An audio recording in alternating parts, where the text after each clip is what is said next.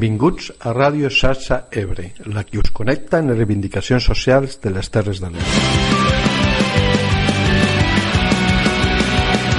Aquí estem de nou per tractar tot el que ens preocupa en la gent que se n'ocupa.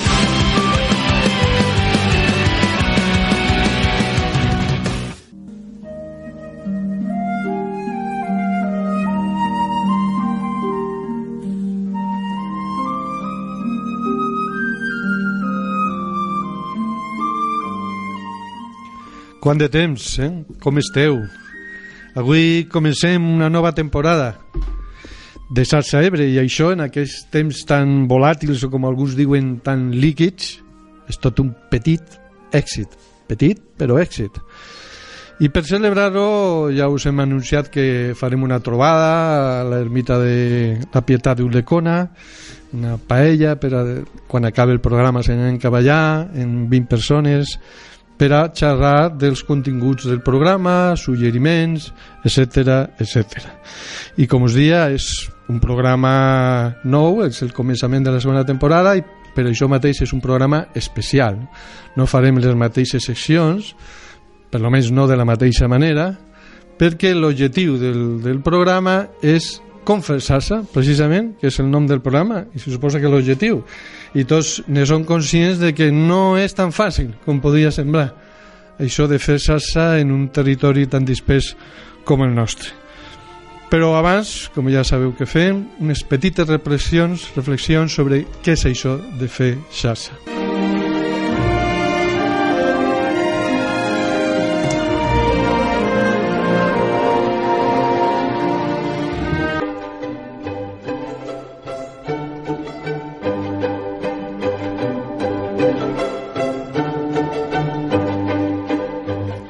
Crec que tots tenim clar que la idea de xarxa evoca flexibilitat, una certa horizontalitat en la creació de vincles, una mena d'antídot contra les concentracions de poder.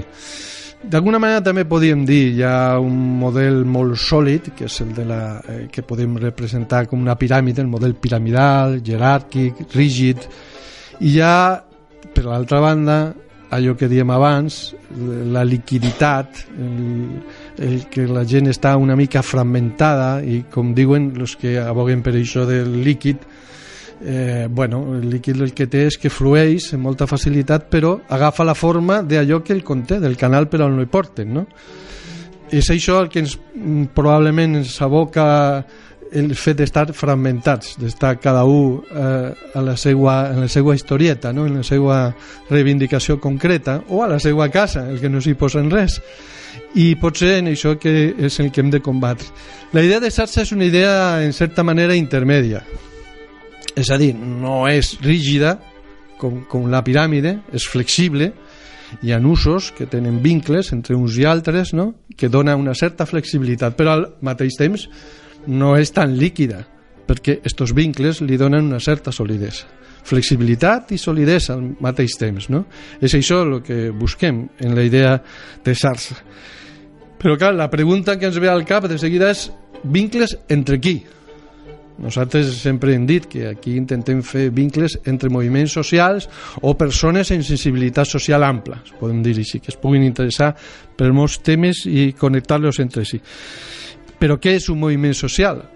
Va, no ens complicarem massa en definicions. Per a nosaltres, un moviment social és un esforç col·lectiu per a fer una transformació social, la concreta que sigui. No? D'aquesta manera tan genèrica podeu entendre que hi ha molts tipus de lluites que poden entrar dins de lo que és un moviment social.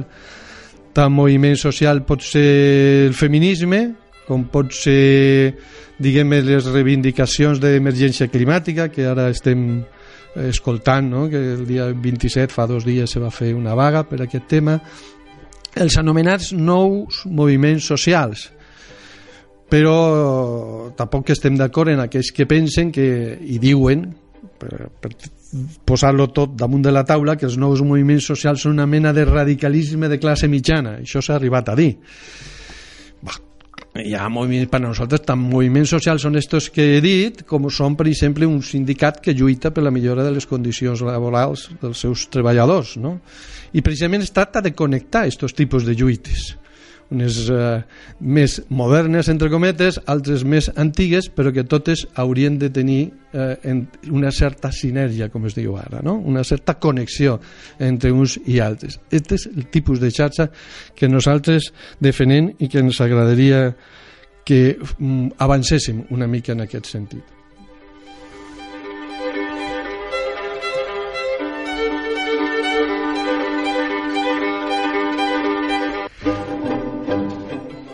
Tal vegada eh, hem de repensar els instruments de la democràcia o tal vegada hem de pensar quin tipus de democràcia és el que volem.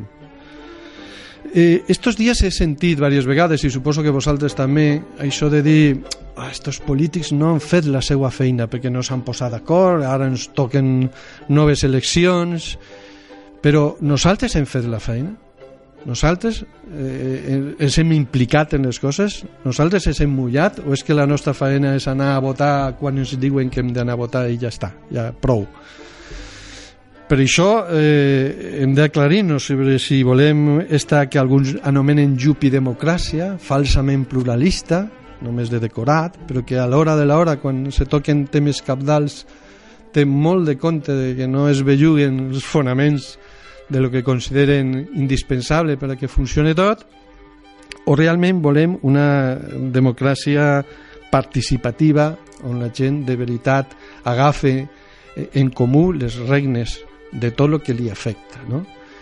i per això hem de crear vincles com diem abans, hem de crear xarxa hem de fer que siguem de veritat participatius en trobem els canals per a fer-ho els canals nostres, no els canals que ens volen posar perquè fem com el líquid que diem abans anar en, en la direcció que, que volen.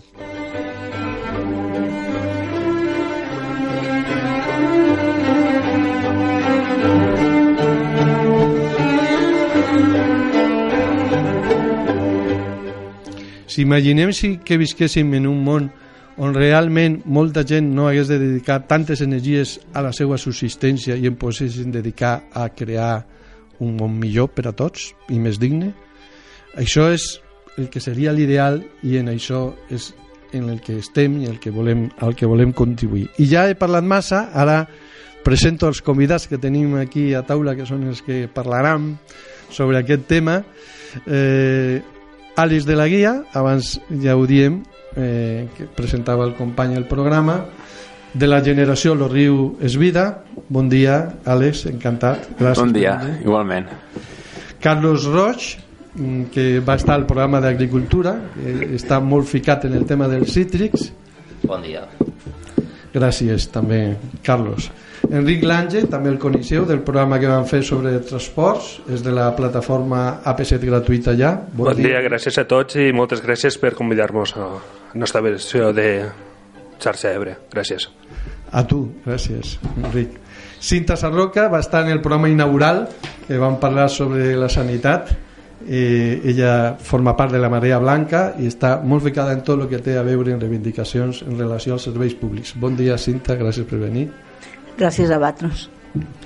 I Marc Martínez, que és el nostre comentarista, que ja el coneixeu de bastants altres programes. Benvingut, Marc.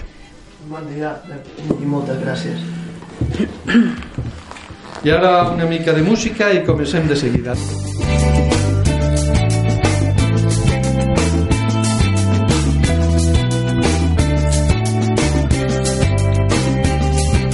No et limites a contemplar aquestes hores que ara venen. Baixa al carrer i participa. No podran res davant d'un poble unit, alegre i combatiu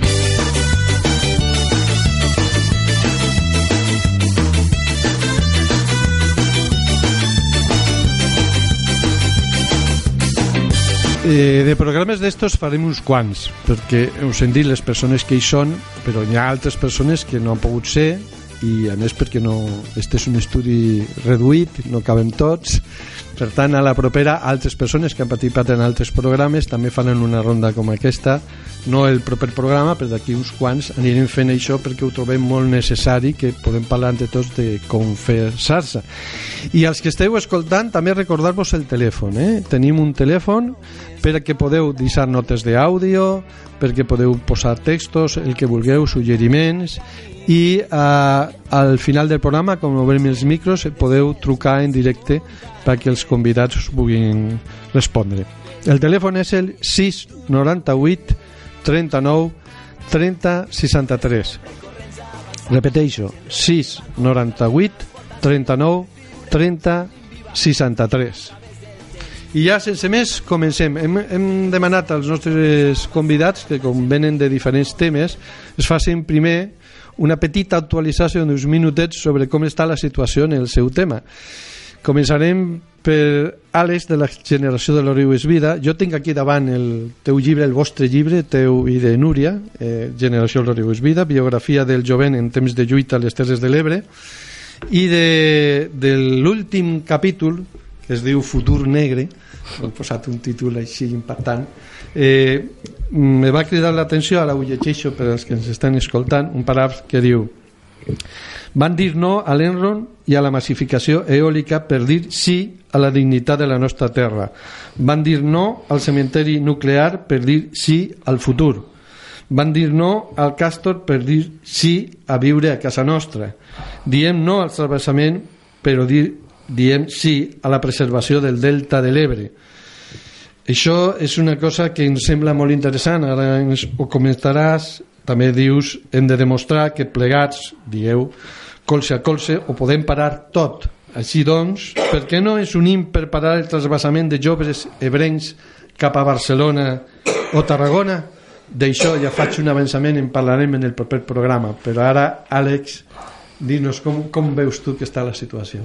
Clar, és que són, són molts temes els que has comentat. Està, la situació dels joves està una mica complicada, potser més que de la resta de, de la ciutadania, perquè ens veiem obligats a, si volem estudiar per tenir un futur digne i treballar d'allò que ens agrada, ens veiem obligats a, a marxar a estudiar fora, el, en el millor cas a Reus o Tarragona, que són les ciutats que estan més a prop, i en alguns altres cap a Barcelona o inclús a ciutats de, del Vallès i això fa que la gent jove els caps de setmana doncs moltes vegades no tornem a, al poble perquè clar, si per anar a Barcelona ja estàs dues hores i mitja sobre el paper en tren que després acaben sent tres i mitja, quatre i si tens sort no arribes a les 3 hores. I si al damunt estudies al Vallès que és on està l'Autònoma que és de les universitats més, més grans i les que va més gent, doncs després encara has de sumar el transport de Barcelona a Cerdanyola o a Sant Cugat, alguna ciutat propera, que encara et suma una hora més i en això en el cas de que no hi hagi retard. I això fa que la gent jove, doncs, vulguis o no, s'acabi desvinculant una mica del territori i quan acabi estudiant no tothom vulgui o pugui tornar a casa seva, al seu poble per treballar i a part també és, diguéssim, que els polítics de Madrid i Barcelona no ens ho fiquem fàcil perquè, clar, les grans indústries, les grans plantes, les grans oficines, els grans centres de treball que donen molts llocs de treball, més de 100 i més de 1.000, no els fiquen a, als territoris petits com l'Ebre o com els Pirineus, sinó que ho fiquen a, a prop de Barcelona, amb sort a prop de Tarragona o Reus, i per tant encara hem d'anar a treballar fora i en els pitjors dels casos jo coneixo gent que se n'ha tingut que anar a treballar fora de, de Catalunya, fora de l'estat espanyol perquè aquí no hi ha futur o el sou que té per treballar el seu no és digne. I això dificulta no, que la gent jove estigui al, al territori, que el territori tingui futur i per això diem que si, que si ens vam unir per aturar tot això no, quan que dèiem que no, quan nosaltres volíem dir que sí com a territori, sí al futur i sí a, a la dignitat, si ens unim per parar també este transvasament de gent jove, esta diàspora i facilitar la gent jove que vol tornar a que torni, pues ho podem aconseguir. I això no és només la societat civil, també són els polítics del territori que apretin a, a la Generalitat i al govern espanyol a que oblidi el centralisme i, i dispersi una mica els jocs de, els jocs de treball i també que la Generalitat i l'Estat i els alcaldes del territori eh, s'estimin realment el territori perquè aquí tenim uns quants alcaldes, per sort cada cop menys, que aquí l'únic treball que porten són coses que a fora no volen com per exemple ara l'abocador de, de Ribarroja, no? que ens porten un abocador que donarà lloc a 10 persones i tindrem la merda de tot Catalunya, mentre al Vallès, a Barcelona, a Tarragona, generen milers de llocs de treball, les indústries que generen estos residus, aquí ens donen les, les molles, que són 10 llocs de treball, i per què no ho fan al revés? No? I clar, en això estem, en això s'ha de lluitar, la gent jove que vol tornar ens hem de currar molt per poder venir, a vegades no, gent jove amb, amb estudis universitaris ha d'acabar treballant a, al súper del poble o al tros de sons pares perquè vol viure aquí i sacrifica per viure aquí i hi ha gent pues, que al fer això se sent que bueno, que ha desperdiciat uns anys de la seva vida estudiant fora o, o que creu que no té futur i acaba marxant això, a Barcelona, a Madrid, a, a Brussel·les, a Londres, a on sigui, per trobar un futur digne amb un sou digne i s'acaba desploblant el territori i això encara facilita més que els polítics que no s'estimen els territoris pues ens ataquin més i ens envien més merda i sigui més fàcil acabar fent el transvasament de l'Ebre que és una de les intencions que tenen els partits de Madrid tant els vells com els nous que per exemple Vox se va passar les eleccions de Múrcia i les locals de Múrcia dient que farien el transvasament de l'Ebre Moltes gràcies, Àlex. Sobre el tema de, de cítrics, Carlos, tu quan vas estar aquí ens vas uh, fer cinc cèntims de la situació i en este temps hem sentit que passen coses bastant fortes per ahir no? sobre, sobre la situació. Tal vegada ens pots actualitzar sobre això o sobre l'agricultura en general com la veus? Mm, l'agricultura en general està bastant, bastant tocada. Eh, els cítrics en especial pues, bueno, l'any passat va ser una de les, de, de les campanyes més dolentes de les últimes dècades.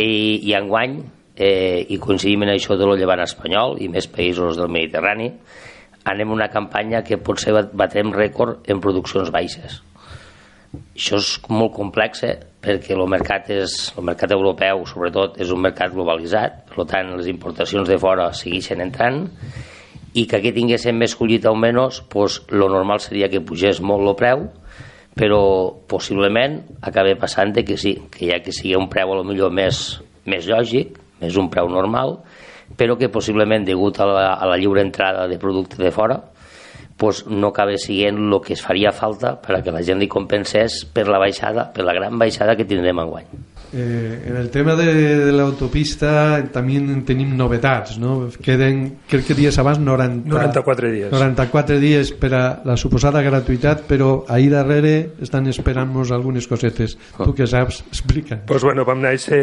vam néixer el 2015 degut a l'altra alta sinistralitat que patia la 340 i vam pensar que, que teníem que fer alguna cosa i la sorpresa va ser que aquesta cosa que podíem fer per baixar la sinistralitat de la 340 el govern, tant de Catalunya com d'Espanya amb el suport dels alcaldes va ser la creació de rotondes, línies contínues per fer de les poques vies que tenim de comunicació a les Terres de l'Ebre fer una via, via lenta com podia ser la 340 que vam pensar pues, una bona solució la més ràpida era l'alliberament de l'autopista P7.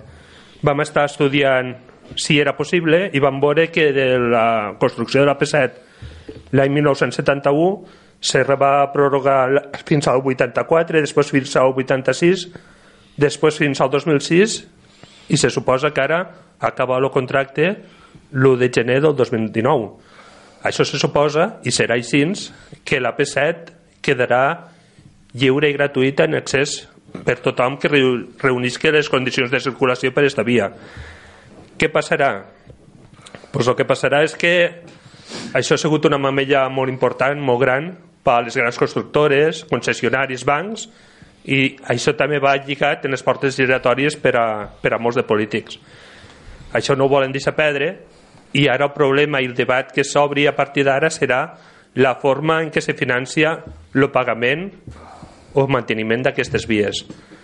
A Europa hi ha moltes maneres de, de financiar aquestes vies i nosaltres som partidaris que aquesta via, com passa de ser via de peatge a autovia, sigui financiada en els pressupostos generals de l'Estat. I per què pensem això? Doncs pues molt senzill. Nosaltres hem estat 45 anys pagant per circular mentre altres de l'estat espanyol han disfrutat d'autovies gratuïtes ara ens toca a nosaltres i ara justament ara s'obri el debat de fer pagament amb una vinyeta, una taxa plana, una via plana, per totes les vies ràpides de Catalunya i també de l'estat espanyol. Què suposa això? Pues suposarà que, com bé dia el company Àlex, les concentracions se'n tornaran a anar d'oportunitats cap a les grans ciutats. Perquè molta gent que aquí té, per exemple, els pagesos i demés, per treballar tenen 3-4 vehicles, no podran pagar una tarifa anual per circular per una via ràpida. Això que voldrà dir que les, la gent de les grans ciutats tornaran a tindre molt més oportunitats que les d'aquí. I això va lligat, ja que estem parlant de la setmana del canvi climàtic i tot això del dia 27, que ens estan dient que la contaminació dels vehicles, sobretot a Barcelona, que vol, sabeu que volen fer un peatge per entrar, sí, és veritat, els peatges, els vehicles a les ciutats contaminen, i la forma més la manera que tenen sempre els governs polítics i demés és creant peatges. I si mireu per exemple les, les cementeres cinc que tenim a Catalunya contaminen tant com tots els vehicles que tenim també a, a Catalunya. O sigui que, que als particulars a la gent de peu mos volen fer pagar mentre altres empreses ja no t'estic parlant de la química de Tarragona contaminen com ells volen i com els dona la gana estic dient això del peatge perquè la Generalitat està, vol fer una vinyeta per circular. I en aquesta vinyeta per circular inclouria el manteniment de les vies, però també la contaminació i la congestió de les vies d'alta capacitat. Però és que si ens mirem també, la Generalitat el que pensa és sempre recaptar. I quan va recaptant, el que està invertint en infraestructures no és per a la perifèria de, de Catalunya. Sempre va al centre, a Barcelona. I on si mires totes les inversions que han fet en mobilitat a Barcelona, te fixes que, per exemple, una línia com pot ser la línia 9 del metro ha costat 9 vegades més de lo pressupostat, que encara no s'ha acabat, i a més aquesta construcció està lligada sempre a grans empreses constructores que són ACS, que és l'actual propietària de Vertes. O sigui que tot és un entramat d'empreses, de, de gestions i sempre guanyen els mateixos. Nosaltres hem dit prou, sabem que l'autopista serà lliure de peatge, però ara ens falta una cosa molt important pel territori. El que ens fa falta són bons accessos i bones vies de comunicació. Estem en una comarca, per exemple, que no té cap accés directe a l'autopista. Però és que si te'n vas al Baix Maestrat, és il·lògic que per anar a Vinaròs tingues que sortir a 5 quilòmetres més lluny i passes pel costat d'un hospital que diguéssim que és del territori del Baix Maestrat. En bons accessos, Vinaròs podria estar molt com bé comunicat tant el centre de Vinaròs Benicarró i donar accés als, a l'hospital. I aquí a Montsià ens passa el mateix. Tenim molts accidents en aquest tram d'Uidocone friginals i moltes vegades per accedir a un accident ens toca fer 20 quilòmetres d'anar per a, per a aquelles víctimes que estan deixades a la carretera estem lluitant, ho aconseguirem. 94 dies mos hem sigut constants persistents.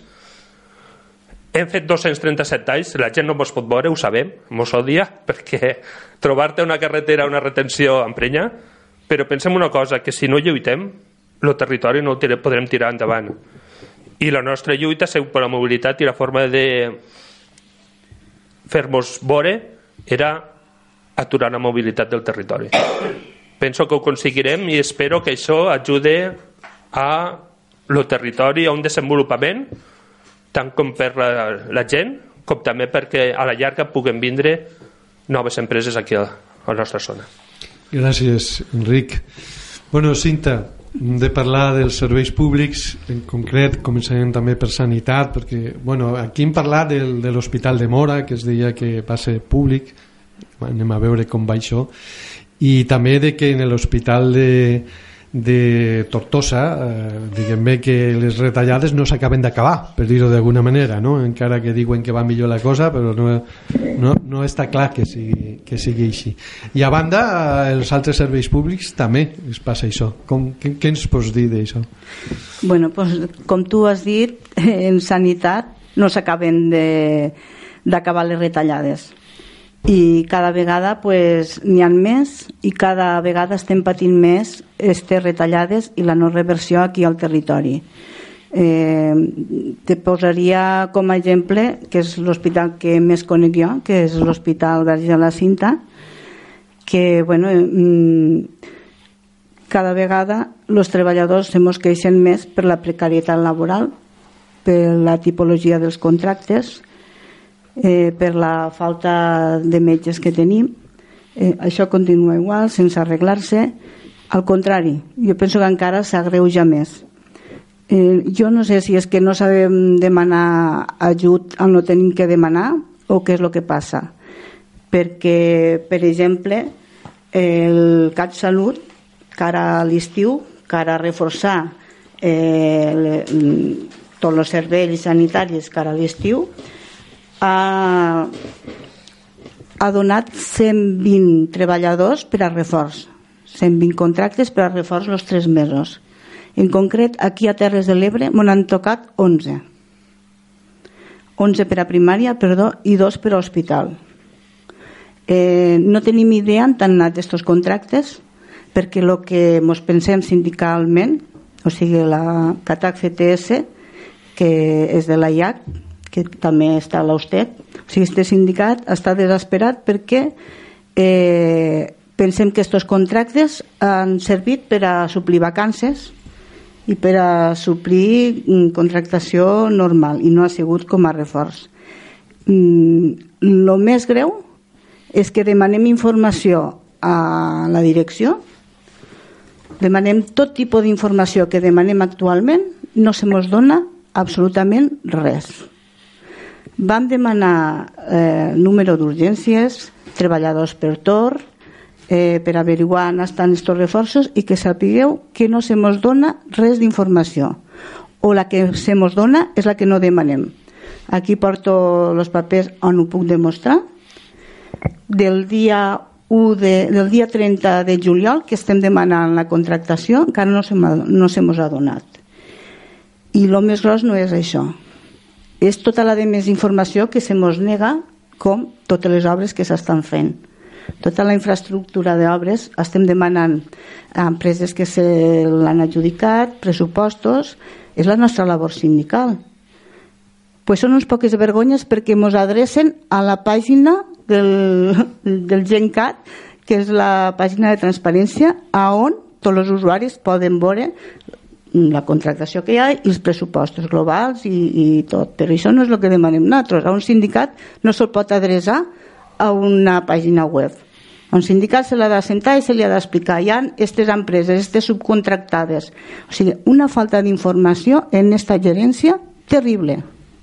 No podem averiguar ni les enfermeres que estan per torn, ni les baixes ni les altes. Tot se mos dona d'una manera global que no podem fer un estudi. Per tant, imagineu-vos com està la sanitat. Però ara voldria sortir jo ja de, de Terres de l'Ebre i parlar-vos ja pues, de tots els serveis públics, el que ens està passant. I és una cosa molt greu, que és un projecte de llei que se diu Llei Aragonès.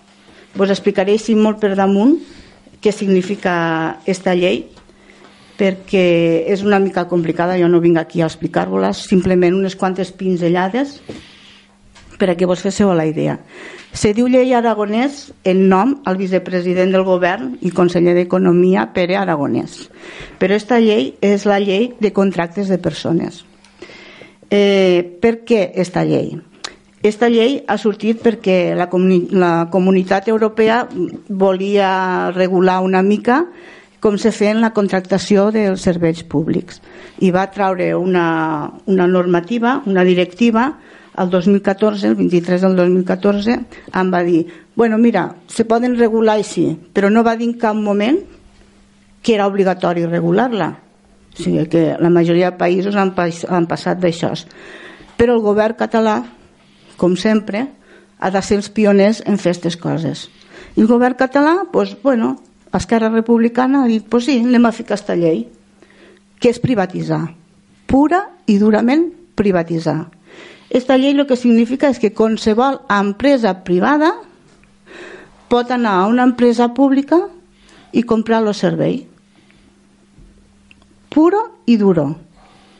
A llavors, aquell servei passarà a una empresa privada en llei mercantil.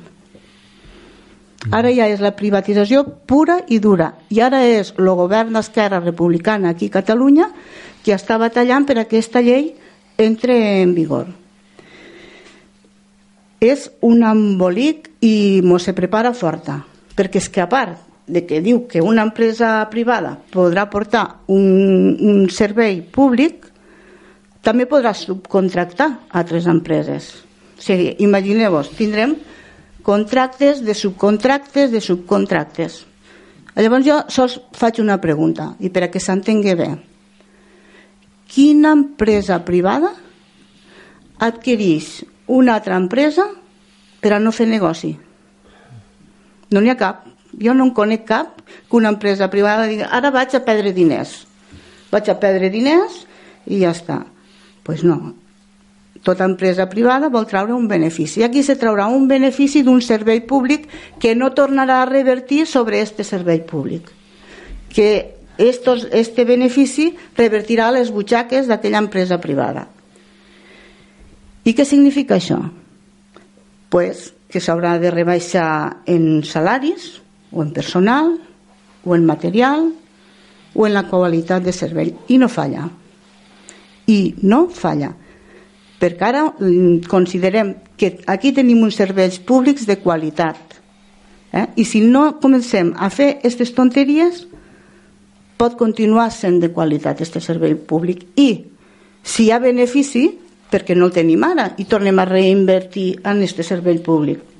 Per què estem buscant ara unes eines que l'únic que faran és que s'embutxaquen diners les empreses privades i que ells vulguen? Perquè la, forma, la fórmula que té esta llei per a contractar seran les empreses privades que ells voldran. No vos creguéssiu que tota empresa privada tindrà opció a comprar aquests serveis. No ja tenim un Florentino Pérez, bueno, no vull parlar d'això perquè ja és anar-me una mica. Ja seran empreses que ells voldran. Per tant, la màfia la tindrem ja directament. Quins serveis públics volen privatitzar? Per els tres pilars de la societat. Sanitat, educació i serveis socials. Jugaran en la nostra salut, jugaran en l'educació dels nostres fills i jugaran en tot servei social que ajude a les persones que estan eh, en discapacitats, a la gent gran, o sigui que, que són persones dèbils, fràgils. O sigui que els tres pilars de la societat estan en venda, si esta llei s'aprova. Llavors, mm, jo voldria fer una crida tant com a IAC com Maria Blanca que pertanyo, com a la plataforma, que s'ha fet una plataforma que es diu Aturem la llei aragonès, que sapiguéssiu que aquí a Terres de l'Ebre ja s'ha creat aquesta plataforma i ja estem treballant per a veure què podem fer a nivell de territori per a parar aquesta catumbe que ens està caent damunt. Llavors, dir-vos que ja han començat a fer reunions que el dia, eh, este dilluns, ja al centre cívic ens tornarem a reunir, busquem fer xarxa, molt important, per a donar resposta ja a, a tot el que hi ha. Després vos voldria nombrar una mica, per a que vos fes una mica més a la idea, mm, quins serveis en, en concret se volen quedar. En sanitat, 111 serveis. O sigui, tota, és que en sanitat ens estan partint tot, tota la sanitat. Eh, plantes, consultes externes, ginecologia, banc de sang, eh, tots, tots, és que no se deixen cap servei que no es pugui privatitzar. En educació, pues, menjadors escolars, eh, la, les hores, dins les hores lectives també retallada d'hores, eh, bueno, és que tots doncs en serveis socials, doncs, bueno, els serveis de l'assistenta social, serveis de benestar socials per a la gent gran, eh, de benestar social per a les, els minuts vàlids, eh, serveis socials infantils i juvenils, és que és tot, eh? Vull dir, eh, serveis dels centres de dia, tot, tot el que nosaltres coneixem com a públic pot caure en mans privades si no fem res. Moltes gràcies, Cinta. I ara, Marc, dona'm un cop de mà. Hem escoltat el que han dit eh, els companys i la companya sobre la situació. Eh, ajuda'm una mica a veure de lligar unes coses en altres. Tu com ho veus? És una pregunta molt difícil eh, de contestar. Així d'entrada, mm, diríem que hi ha motius per marxar corrents, però també sabem que no ho farem, que hem de fer just el contrari, no marxar i plantar i batalla. Eh, dic que és una pregunta molt difícil per no dir-ne trampa, ja sé que no és la intenció del qui m'ho ha preguntat, però diríem que el refinament que té este capitalisme desbocat a l'hora de robar, retallar i maltractar l'ha aconseguit a base de molts anys de practicar. Per tant, crec que nosaltres, com a moviments socials tendents a organitzar-nos, també haurem de continuar practicant fins a trobar una solució. En això vull dir que em sembla que la solució no la té ningú, sinó que s'ha d'anar trobant a mesura que es va escapdellant l'acció. Però en tot cas jo voldria remarcar que el paper que fan els moviments socials per exemple, és molt important. Per exemple, això que ha dit la cinta, demanar informació. El fet de demanar la informació, elaborar-la, contrastar-la, arribar a la veritat, és una mm, qüestió de la qual estem orfes perquè los, les administracions públiques o aquells que se suposa que haurien de vetllar per, pel bé comú, per l'interès general, no fan. Per tant, si no ho fan ells, ho hem de fer altres és el que ha dit la cinta el fet de demanar informació contrastar-la, entendre, trobar la veritat elaborar el discurs, difondre'l crear consciència entre la gent i a partir d'aquí actuar me sembla que pot ser un camí i no podem deixar de fer per exemple, i cada un des del seu àmbit des de moviments socials des de sindicats però esta faena s'ha de fer. No sé si és la solució però em sembla que és un camí que no podem deixar de, de recórrer. Molt és bé. a dir que cap intenció de fugir sinó de quedar i intentar-ho Molt bé. Mm, Ara posarem una música i començarem en el debat pròpiament de com fer xarxa. Eh, sí, recordem als que esteu escoltant que teniu un telèfon per intervenir 698 39 30 63 repeteixo 698 39 30 63 de moment, mentre se fa el debat podeu deixar notes d'àudio si voleu i quan s'obrin els micros podeu trucar o picar, com es diu per aquesta zona i posar a l'aire la vostra, el vostre neguit o la vostra pregunta, comentari, suggeriment, el que sigui. D'aquí un moment tornem, mentrestant us deixem mans a la pinya de Ai, ai, ai.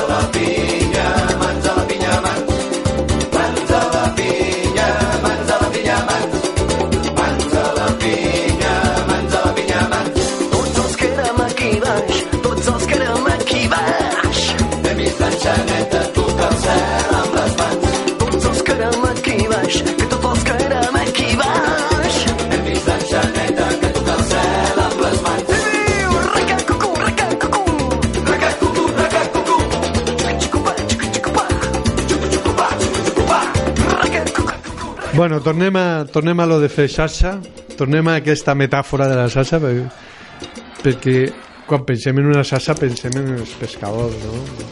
Sigui, la xarxa és per agafar peixos. I quins peixos volem agafar aquí? bueno, peixos menuts, grans, de quin tipus, una xarxa més estupida, menys estupida... Bueno, eh, nosaltres pensem que els peixos són les idees per fer coses, precisament. Eh, I a més un avantatge que té la xarxa és que encara que vingui un peix molt gros en una zona, pues la xarxa es tira, no es trenca, i per l'altra banda també hi ha altres peixos, els menuts, idees, els modestes, però que van, que van influint que van eh, intervenint d'alguna manera i tot s'ha de tenir en compte no? eh, dit això eh, us passo la paraula perquè vosaltres digueu estos petits peixos que, que anem a pescar en aquesta xarxa. A veure quines, quines idees teniu de com podem en un territori com aquest que ja hem dit moltes vegades que, que la comunicació és molt de persona a persona, eh? Eh, allò de les xarxes globals i dels grups de WhatsApp i de Facebook, aquí la veritat és que no, abans ho comentàvem, no acaba de funcionar massa. De fet, es comentava als companys que per a, per a lo de la paella que hem organitzat eh, quan acaba el programa, van dir allò de van posar-lo al Facebook i la gent s'apuntés a un número de telèfon de WhatsApp, ningú de les 20 i pico persones ningú ha fet servir el canal este sinó que la gent ho fa de manera personal.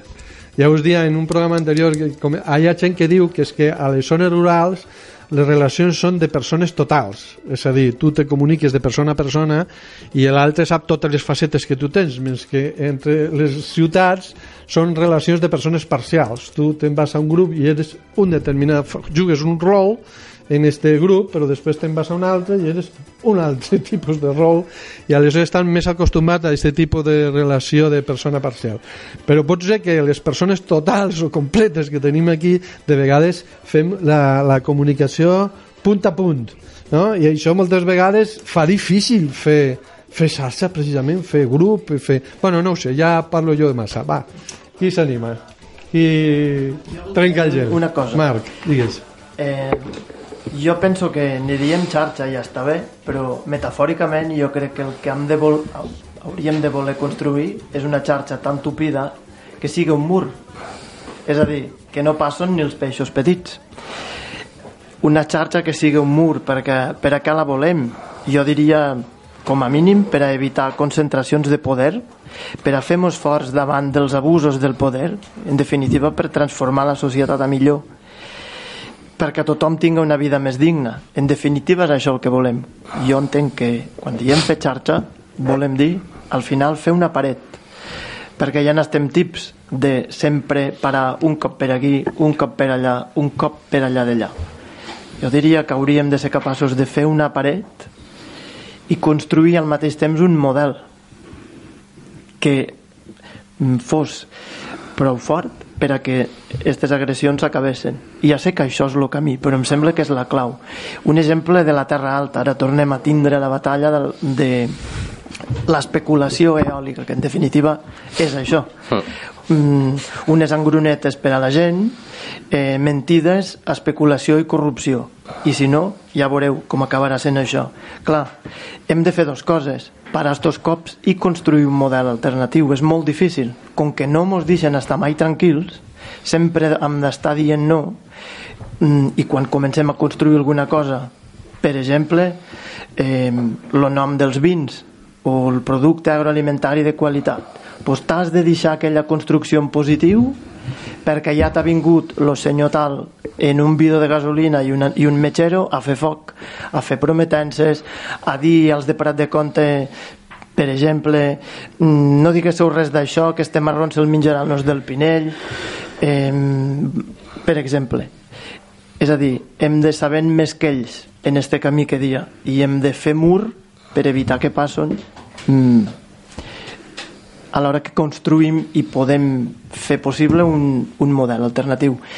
I sobretot no, això és un perill perquè dit així sembla molt bonic però llavors quan ho portes a la pràctica és quan trobes, la mare, trobes o no la mare dels ous. I aquí està el repte. Com passem d'aquestes paraules boniques a fer concret i possible? I aquest és el gran treball. No tinc la solució no sé si els meus companys tenen idees al respecte. Sí, volia dir alguna cosa, a veure si ens apropa la solució. A veure, mm, jo veig que això és una xarxa de persones, no? Perquè l'important són les persones. L'important i el que mou el món i el que mou tot són les persones.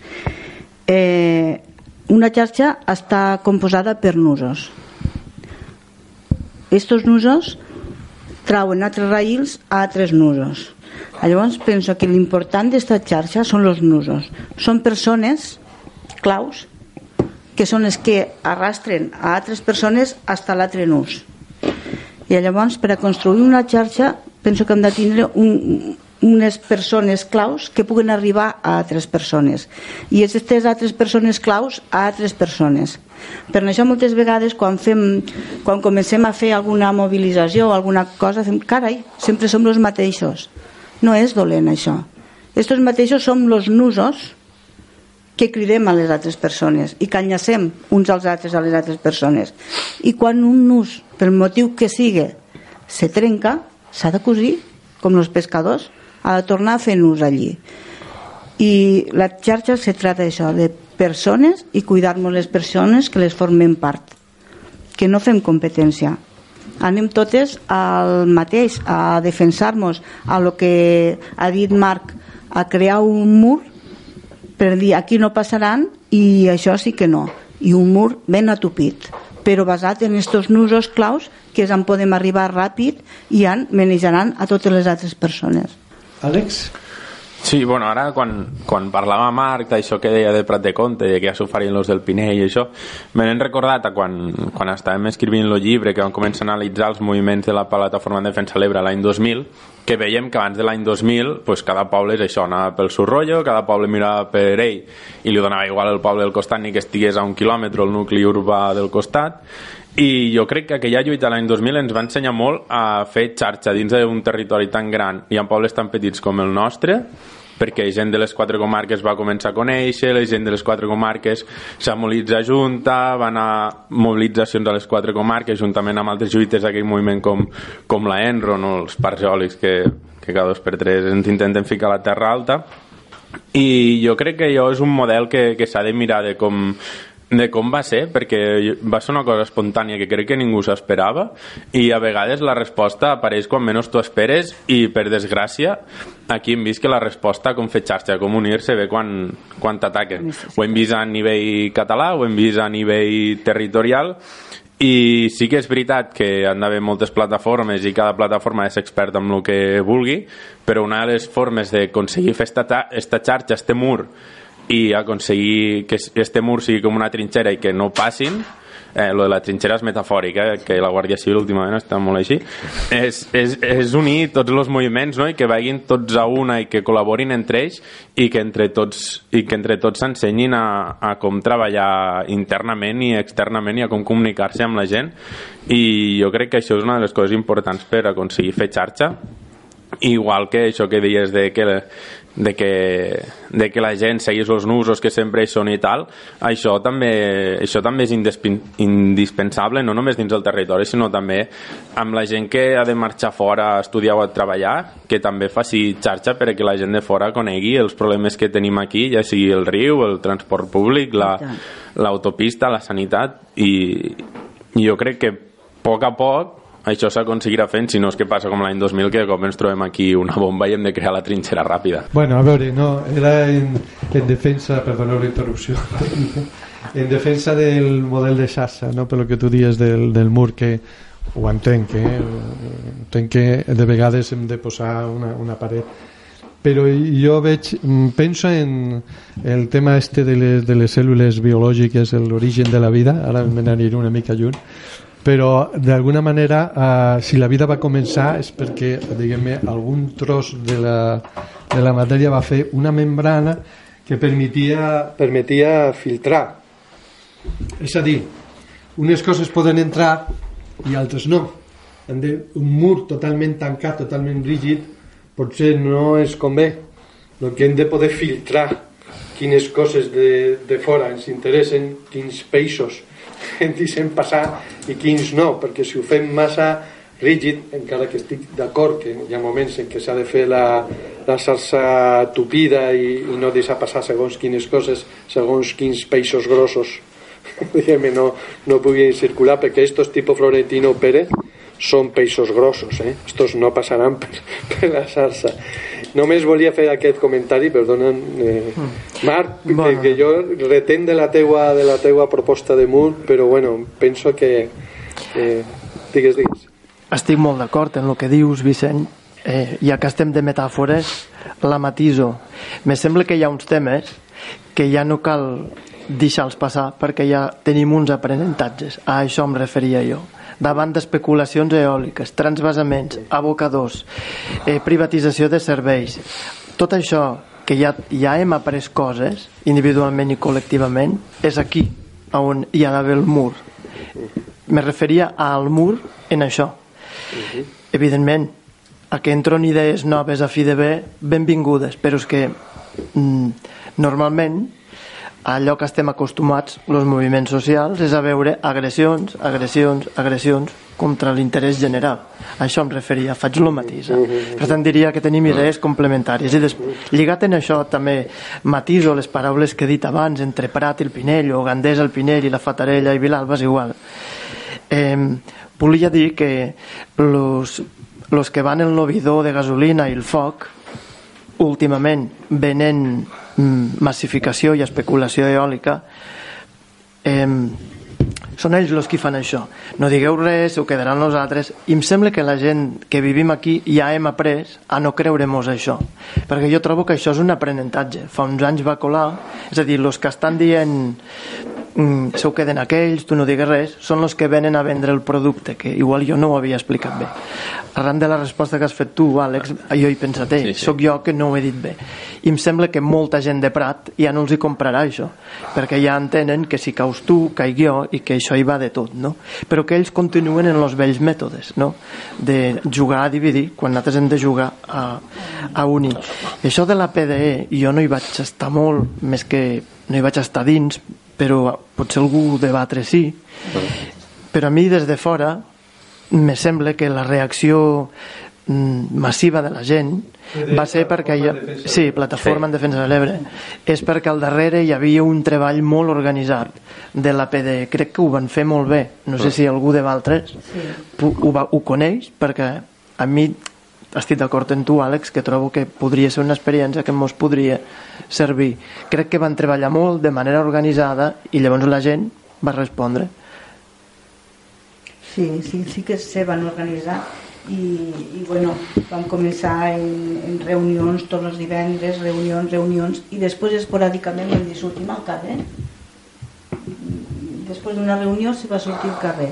I després de l'altra reunió tam- i va ser així que ja se va crear com un fer xarxa, que la gent mos veiés que no sabia què era això, que, que els divendres a la nit sortíem pel carrer a Tortosa, què era això? I que cada vegada érem més gent. I s'anava fent xarxa, i la gent s'anava sumant, i cada vegada més, i cada... És que és això, és informació, és arribar de la manera que sigui a la gent plana, a la gent del poble. Que és esta qui té, qui té la força, no els polítics. Un, un peixet menut. Un peix minut, un peix minut, un altre peix minut, un altre peix minut. En un conús, estos tenen la força. I resulta que l'altre dia eh, tu, Cinta, vas posar al grup un missatge sobre una trobada que es feia per el tema de la llei aragonès que explicaves Sí. i Enric eh, va posar un altre missatge dient que coincidia en un dels talls que se feien en la PC. Eh, el peix minut que vull posar aquí damunt de la taula que coinci una mica Aquí. és, no podríem fer algun tipus de, eh, de, de manera de conciliar agendes perquè si són pocs, com tu deies abans i de vegades un dels moviments fa una crida perquè necessita per a una acció en concret un reforçament no seria bo que hi hagués algun tipus de connexió eh, per a que no passen aquestes coses i aquí nos passen unes quantes vegades Aviam, aquí a, jo penso que aquí a Terres de l'Ebre tenim xarxa el que passa que aquesta xarxa té un tan gran que passen tots els peixos, saps? No, no, no n'agarren cap, saps? Però, bueno, mira, això no, no com us passa. I, de fet, jo, veure, pues, quan estàs en moviments socials i de més, coneixes altres gent i te diuen, mira, pues, tal dia fem una concentració aquí, una concentració allà, i és veritat, hi ha vegades que se fan tantes concentracions a Terres de l'Ebre que hi ha vegades que coincideixen. No, és habitual trobar-te una concentració, per exemple, a Tortosa, que és la- possiblement per, la, per ser lloc de més volum de població on se fan més concentracions, però és que després te trobes com millor algun ajuntament, algun lloc també se fa una concentració per coses també molt dignes. Jo, personalment, i els companys assistim a, a concentracions per la sanitat, les, les pensions que moltes vegades es realitzen en Amposta. També hem assistit a algun altre trasbassament, els trens, els cítrics, que també se van fer en el seu moment, però tampoc van tindre una continuïtat. Però és que si vas a aquestes concentracions te trobes, per exemple, a mi me sap molt de mal que vas a una concentració per les pensions a Amposta i a les 12 del migdia són 30 persones però és que si vas a l'altre al cap d'un mes són les mateixes 30 persones jo sóc partidari jo crec que hi ha xarxa però has de tenir moltes xarxes. Hi ha molts de mariners, hi ha molts de pescadors i aquí cada un agarra el peix que pot. Jo recordo que, que abans l'únic mitjà que teníem era la televisió i si no mirava les notícies no coneixia res absolutament de, tant de Catalunya com d'Espanya com de més que ha passat que els mitjans de comunicació cada vegada les xarxes de comunicació són més grans? Internet, bueno, internet obert pel Twitter, Facebook, Instagram de més i també més canals de televisió i el que fa aquests canals de televisió el que fan és dividir la població en diferents maneres de pensar. Una dona gran de fet-lo Sálvame Deluxe i tot això de Telecinco té tant d'èxit perquè agarra un sector concret de gent i aquesta gent ja no mira altres coses. El que me refereixo que antes mirava la primera la segona i les notícies te les tenies que tragar. I si mireu avui en dia les notícies de, de TV3 per ficar un exemple podríem ficar altres canals pues, si duren 45 minuts 15 són pa de ports i d'estos 15, 7 són pa o Barça. O sigui que els mitjans de comunicació sempre t'explicaran el que ells volen que t'expliquen. I antes, els petits pobles com pot ser la Ribera bueno, petites zones de Catalunya com pot ser la Ribera, el Montsià, Baix Ebre i demés que tenim uns problemes molt concrets. Aquells en estos informatius no entren.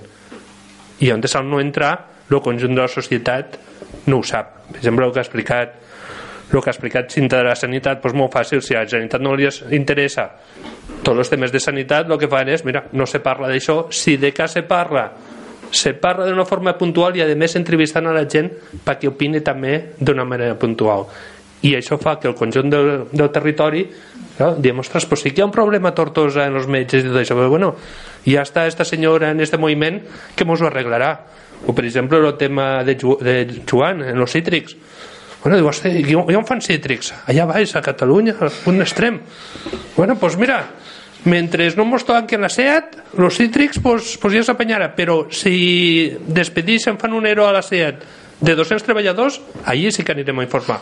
El que m'estic referint és que mos toca fer xarxa, anar units és un territori per desgràcia molt fragmentat, moltes idees de, molts pensaments i el que heu parlat del trasbassament sí, és, és per llevar-se el barret la, la feina que ha fet lo, la plataforma del trasbassament però no oblidem que l'aigua se'n va, se va del, de la zona de l'Ebre perquè no és concret del riu a Tarragona ja va haver un mini trasbassament. I aquí van perdre una guerra i possiblement en aquells moments la Generalitat va dir deixem-nos tirar avant l'aigua a Tarragona però després quan no vinguen els de Múrcia que la volen allà ens fodrem canya. Claro, els mitjans de comunicació se van volcar i la plataforma pues, va també va tindre el seu ressò i el conjunt de Catalunya va poder saber la problemàtica que teníem a un determinat territori per fer per acabar aquesta lluita. I referent al que has dit dels dels parcs eòlics és molt fàcil, agarres un mapa un plànol de Catalunya i mires on estan els, els parcs eòlics de Catalunya. I sabeu que l'Empordà és molt famós pel per la tramuntana que és un vent. I diu, bueno, sí però millor, millor el mestral de l'Ebre que no la tramuntana de, del nord de Catalunya. Per què? Perquè allí hi ha més poder i hi ha més interessos aquí poquet a poquet ens estem quedant en una zona despoblada perquè no tenim oportunitats i al mateix temps que ens quedem despoblada no tenim gent per lluitar per totes aquestes agressions que ens estan venint al territori. O sigui, xarxa n'hi ha, però cal fer-la més estreteta i més copideta. Àlex? Sí, no, ara quan, quan estava parlant sí que és veritat que, que aquí al territori som un territori petit i per desgràcia cada cop som menys habitants perquè la gent ha de marxar perquè aquí no hi ha futur però és també el que busquen els de fora que aquí no hi hagi futur exactament per això perquè així tenen l'excusa perfecta de no ficar els molins a l'Empordà i ficar-los a la Terra Alta perquè clar, una comarca de 10.000 habitants se queixarà menys gent que en una comarca de, una comarca on per exemple la capital és Figueres que té quasi tants habitants com les Terres de l'Ebre diguéssim per tant és això, ja per allí és on van la gent de vacances i aquí només ven a veure el vi. Per tant, bueno, si hi ha molins doncs no passa res. Això és el seu pensament, eh? no, no dic que, que el faci jo que...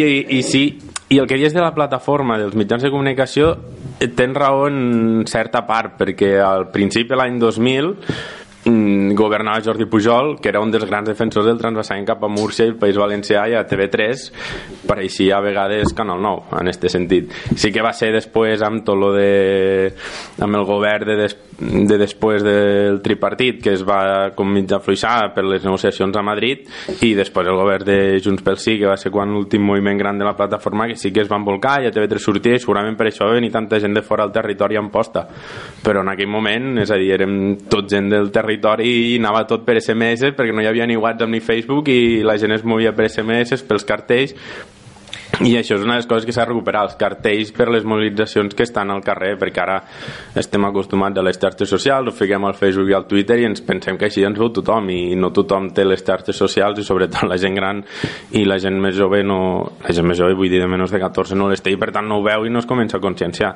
i és important recuperar els carrers, les parets i els cartells per, per conscienciar tota la població i unir-la en, en qualsevol de les lluites eh? Carlos? Bé, eh, aviam, estos anys atrás vam poder viure, com han dit els companys, eh, diguéssim, lo, lo, que va anar, lo, lo bé que va anar i sobretot per la realizació que van tindre la plataforma en defensa de l'Ebre, que també vaig tindre l'ocasió de participar a la part del canal i això, i des del camp dir de que si no anem, no anem tots units primer abans se parlava de sector a sector però ara hem de ser tots els col·lectius socials que han d'anar tots a una per arribar, per arribar a fer xarxa. Vull dir, és que la solució no hi ha, no hi ha, no hi ha més. Hi ha més, de ser així és la, és la forma de contrarrestar el que està passant al sector agrícola i en particular als cítrics. Eh, no hi ha ni mil persones ni dos mil ni tres mil. N'hi ha moltes que treballen en aquest sector i sobretot en campanya. I no passa res.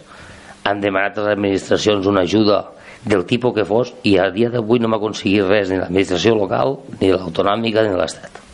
I és el que tenim Marc? Eh, sí, un, jo volia recalcar un, una idea que s'ha dit l'han dit diferents dels meus companys i companyes que és lo de fer-nos visibles que jo crec que tenim com la idea que només o potser m'ho sembla a mi que a vegades tenim la idea que només podem ser visibles si fem, aconseguim grans manifestacions grans demostracions de força i de poder però crec que això és lo, lo final quan ja ha crescut molt el moviment. I per tant trobo que per a que això passo, si és que passe hem de ser capaços potser de fer actes més petits, de petit format però que també siguin visibles perquè tenen el valor de fer llum i de ser senyals que capten la resta de persones que poden estar receptives i, i sensibles als temes. A mi sembla que això és molt important. I també dins de Festa Xarxa, crec que ho ha dit la cinta, voldria recalcar, recalcar que és el fet de cuidar-nos entre naltres. Eh, I cuidar-nos vull dir des de totes les vessants quan tu tens un problema també és meu i viceversa això que no estic descobrint res de nou però que sovint sembla que ho oblidem i no ho hauríem d'oblidar. És de cuidar-nos en tots els aspectes. I mm, en això que dia abans de que hem de fer una faena de buscar informació, contrastar-la, construir discurs crec que també hauríem de fer una reflexió de quin periodisme tenim a la nostra societat. Penso que salvant totes les excepcions que vulgueu però són excepcions crec que abunda molta militància dins del periodisme més que no pas periodisme. És a dir, qui el paga, quins interessos hi ha al darrere i per tant com a societat també mos col·loca i, i per tant com a moviments socials en, un, en una posició una mica delicada. Quan esta baula falla que sovint falla, no sempre però moltes vegades és a dir, si fos una xarxa el periodisme penso que moltes vegades és feble eh, doncs per això hem de sortir moviments o particulars organitzats a fer llum a allò que és fosc no? i també volia destacar per últim que em sembla que tants anys de lluites hem hagut d'aprendre algunes coses seria també qüestió de repassar mm, obrir la motxilla de l'experiència i mira què en podem treure això que he dit abans no? que els venedors de fum a la Terra Alta van dient això va passar la setmana passada tranquil, ja s'ho quedaran nosaltres no? i potser ja hem après que això no val no?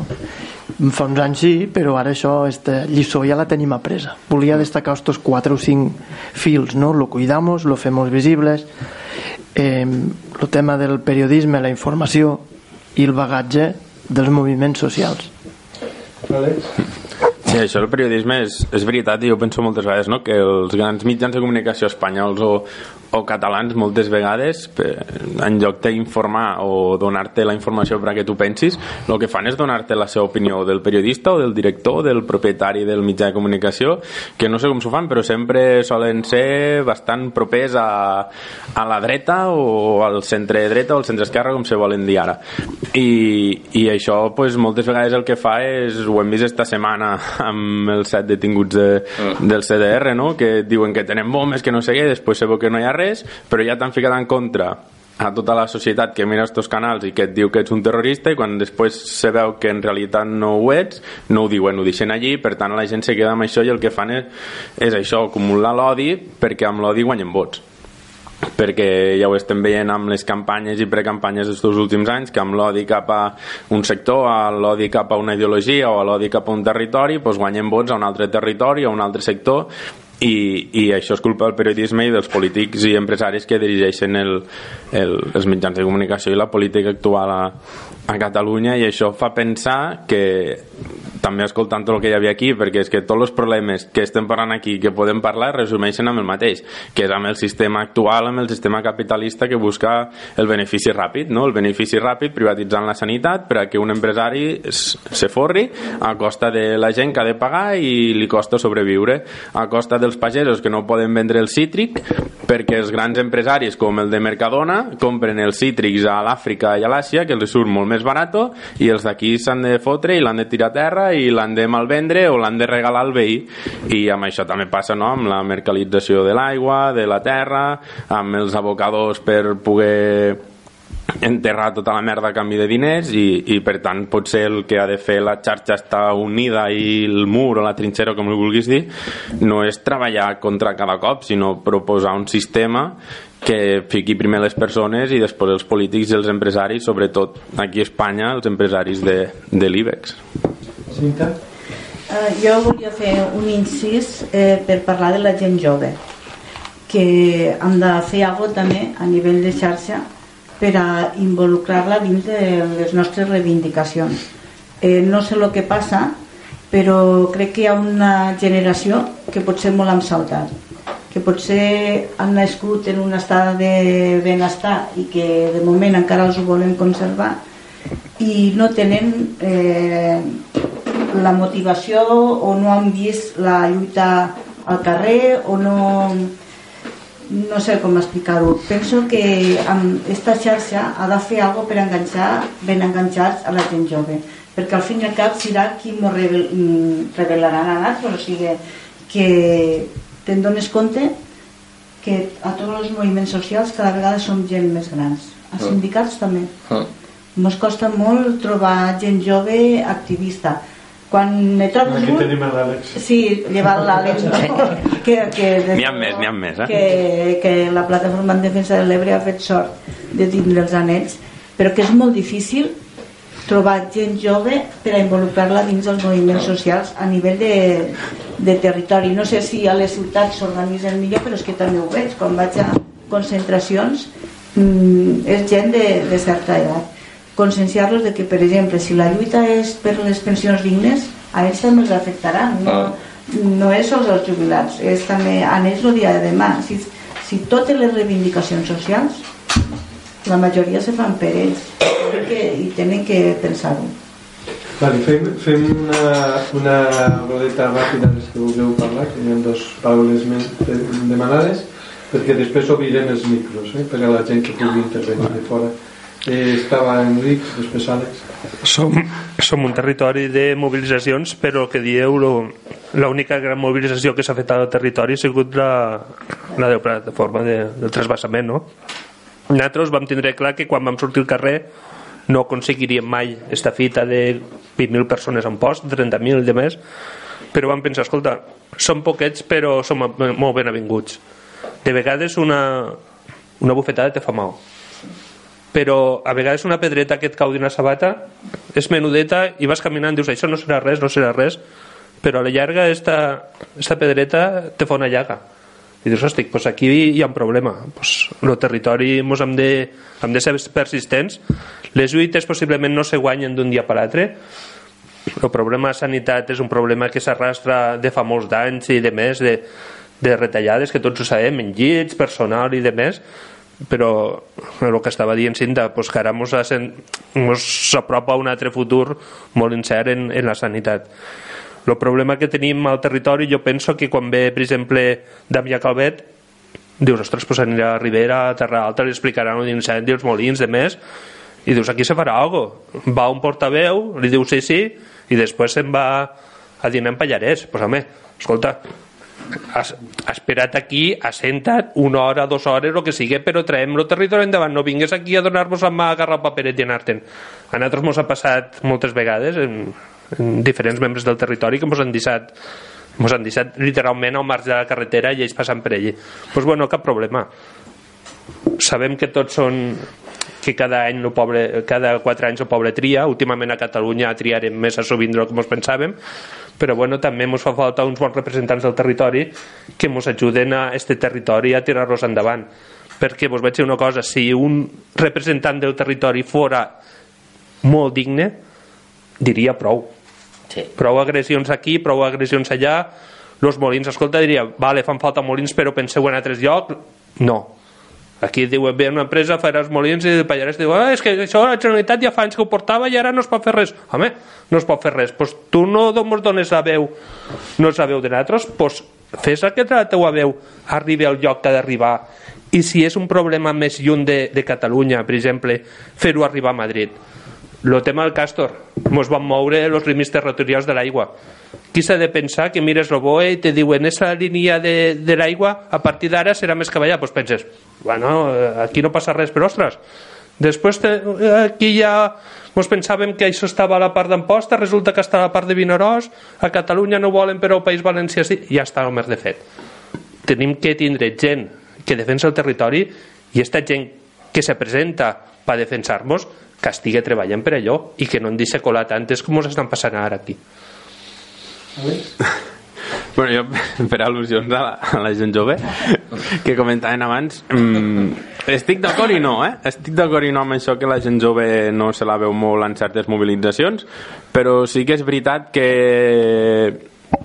quan surts d'una concentració i vas a una manifestació gran com pot ser qualsevol de l'11 de setembre o dels presos o de la plataforma de defensa de l'Ebre o del Castor al seu moment, que jo també hi era o del cementiri nuclear sí que hi havia bastanta gent jove el problema és que la gent jove no acaba d'estar involucrada o organitzada dins una plataforma per, per diferents motius no? esta gent jove que s'involucra no entra per diferents motius perquè durant tot l'any menys algun cap de setmana estan fora per estudiar i ja tenen prou preocupacions amb els estudis perquè diguéssim que la universitat no és molt barata i si suspens una assignatura l'any següent encara és menys barata Després estan preocupats per trobar feina de lo seu i jo com a jove ho puc, ho puc dir que m'ha costat una mica.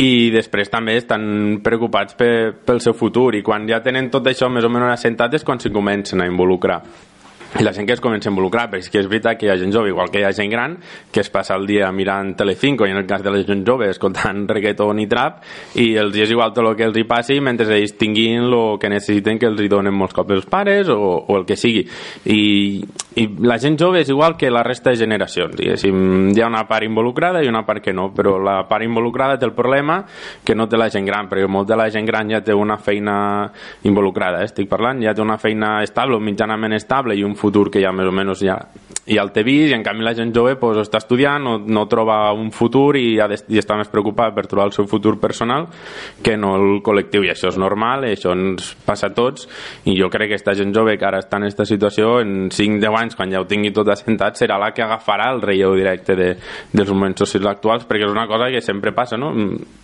Són canvis generacionals però no és molt complicat trobar una persona molt jove dins un moviment que no sigui juvenil precisament per això i la gent jove que s'organitza en, moviment, en moviments juvenils sí que surt al carrer i s'organitza. Només cal veure el, la gent jove que és la que està tirant del carro a la lluita contra, contra la crisi climàtica que van veure el, les, la vaga el divendres este divendres i per tant bueno és trobar el seu espai i el seu moment per a que es puguin involucrar i ara que diuen també aquí un company de, de Calvet i Pallarès i no sé què, jo, jo m'he reunit dues vegades amb Calvet i les dues ens deien el mateix, no era per la boca de Ribarroja, sí, sí, escoltem el territori, nosaltres no farem res mm, o nosaltres no farem res que no puguem fer legalment, però farem el possible perquè no es faci. Inclús el president ho va dir en seu parlamentària. Mm, bueno, mm, ara han acabat dient que, bueno, que confien en el jutge de la denúncia als alcaldes i a veure si tenim sort.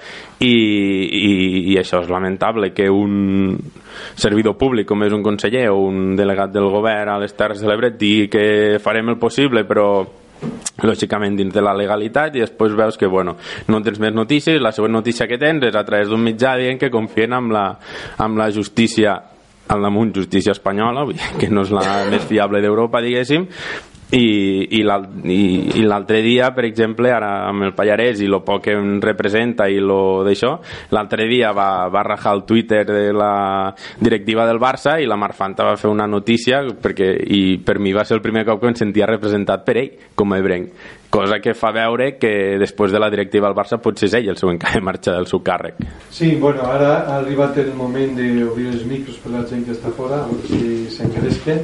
Recordeu el telèfon 6 98 39 30 63 6 98 39 30 63 Eh, companys de la paella, d'aquí 10 minuts ja podeu tirar l'arròs. O sigui, Seguirem amb la il·lusió que desbordaves. Amb les paraules vives, amb els somnis humils seguirem tot allò que construïres amb les velles banderes d'un país clandestí seguirem seguirem Estàveu aquí a la taula, en els micròfons tancats, parlant una miqueta precisament de, de l'edat, parlàvem, tornàvem a parlar de les generacions, parlàvem de la pagesia en concret, que hi ha gent molt gran a la pagesia, i d'aquest tema de la reno, renovació generacional. No sé, ho digueu ara... Bueno, eh, l'agricultura, el cítric, eh, és veritat, vull dir, fa 10 anys la preocupació de tots era el relleu generacional, però és que avui en dia ja no és aquesta, o aquesta ja no és la més important, sinó la més important és que a dia d'avui estan plegant els que, los que teòricament han de funcionar i tenen que arrastrar els joves. Vull dir, Esta és l'evolució que han tingut en 10 anys. Vull dir, fa 10 anys era complicat entrar-hi, ara el, el problema és que estan caient els que ho fan bé. Aquest és el gran problema.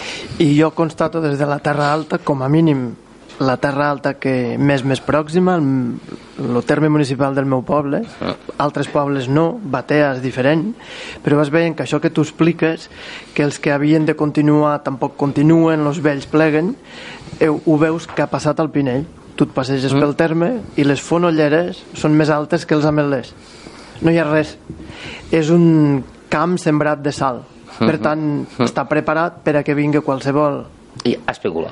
especular i digui home, total, això no en treus res. Clar. No. Per tant, estem en emergència. Sí, sí. Eh, això que el cana encara està en procés, al meu poble s'ha consumat. Hi ha alguna excepció molt honorable perquè sé que tenen moltes dificultats per poder viure i no els ajuda ningú però és, és lo final d'este procés. Vosaltres esteu caminant i nosaltres hi hem arribat. Mhm.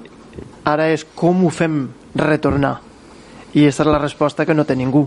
Crec que no té ningú. un, un procés, si me permeteu, un procés no tinc les dades aquí perquè no pots portar aquí tot el que publiquis i de més, però un treball d'investigació que va publicar un diari de, de Barcelona, un independent, diguéssim, sortien les dades de gent pensionista, la gent que treballava a zones, i fixar en el Montsià, i molts pobles del Montsià, sobretot poblets de l'interior, ja són més jubilats que no persones que cotitzen.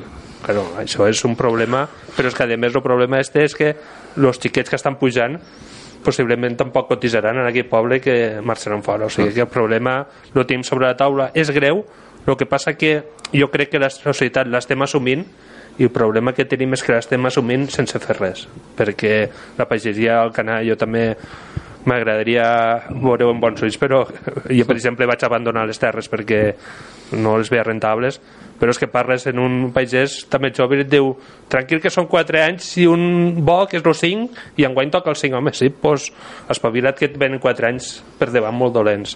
És un greu problema que tenim Vale, anem a veure la intervenció des de fora de l'estudi, a veure què, què s'aporten. dels nusos, fer xarxa, que sempre som els mateixos, eh, preguntar-nos una mica per què sempre som els mateixos i de quina manera ens podríem obrir a més gent, perquè a vegades crec que ens quedem una mica eh, tancats i la gent no sap com arribar a aquests moviments. Bueno, què, què en penseu d'això que diu la companya? Que potser ens falta visi- visibilització. De fet, algú de nosaltres ho ha apuntat abans. Fem-nos visibles i que tothom que tingui ganes de col·laborar sàpiga que hi som. Eh, no sé, eh? eh, sense ànim de dir això és així, però me sembla que això que no hem de deixar de fer coses per fer-nos visibles, encara que siguin petites, en poca gent, és igual, però s'han de fer, perquè tenen este valor. I jo penso igual, és que està en, en la visibilitat que poguéssim tindre en, en com podem arribar a la gent. És arribar a la gent, informació i que sàpiguen tots els problemes que hi ha al territori i que mitjançant aquesta informació puguen actuar i vindre nosaltres. Si no ens fem vora, si no fem xarxa, estem perduts. Ara, si voleu, mm, des de xarxa hem pensat alguna coseta sobre això per a poder aportar. Eh, posarem una musiqueta i després ho diré i acomiadarem el programa, però abans, si voleu dir això que es diu, parleu ara al camí per sempre, voleu, si voleu dir alguna cosa final, eh, és el moment. Alguna reflexió final o, o ja posem la música? amb la tendresa que ens deixares les coses senzilles amb la terra entre els dits seguiré amb l'enyorança a les finestres amb les cançons d'Ovidi amb les lluites d'ahir seguiré amb la il·lusió que desbordaves amb les paraules vives, amb els somnis humils. Seguirem amb tot allò que construiràs, amb les velles banderes d'un país clandestí. Seguirem,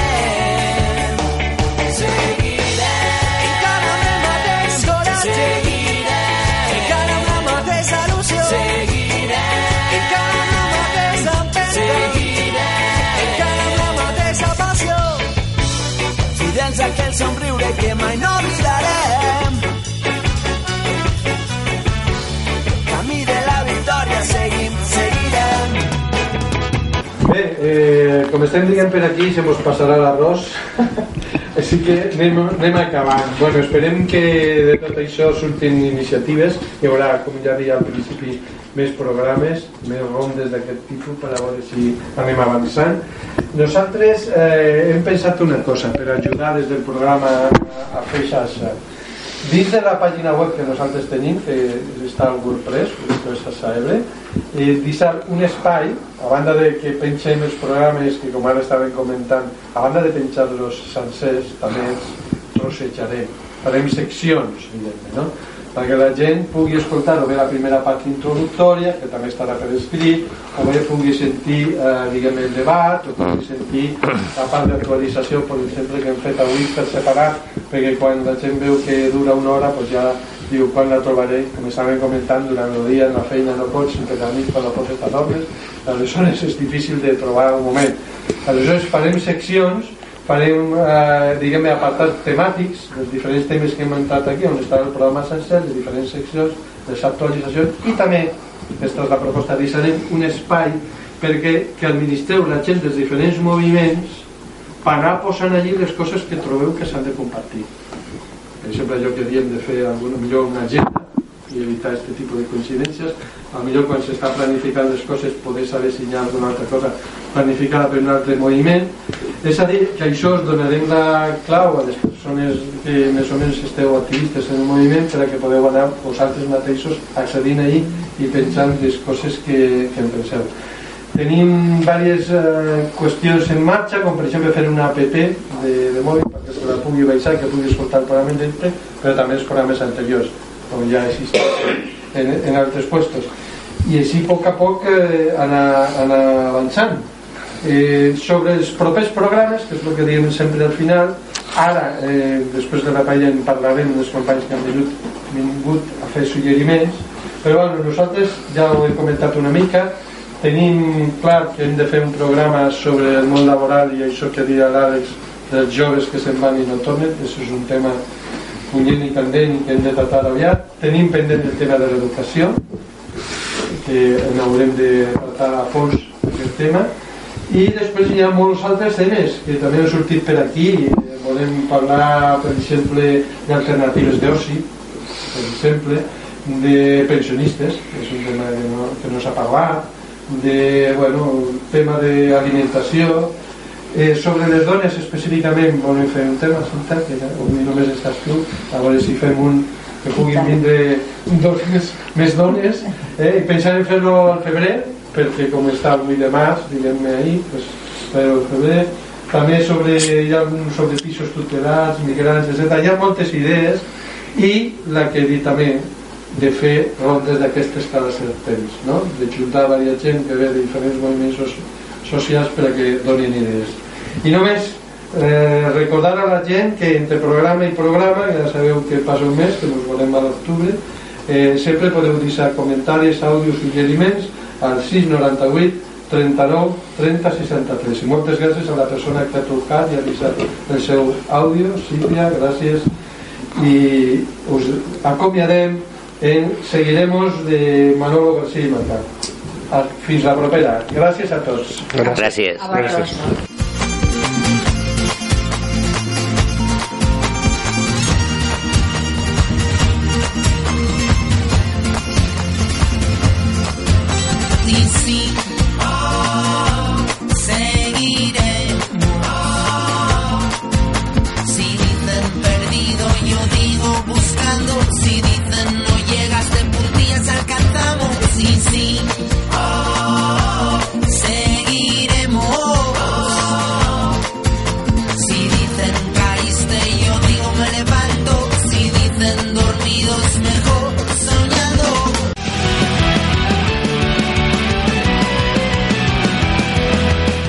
A la propera emissió de Xarxa Ebre. Ens trobaràs al WordPress, al Gmail, al Facebook, al Twitter, a l'iVox, sempre en aquesta etiqueta, Xarxa Ebre.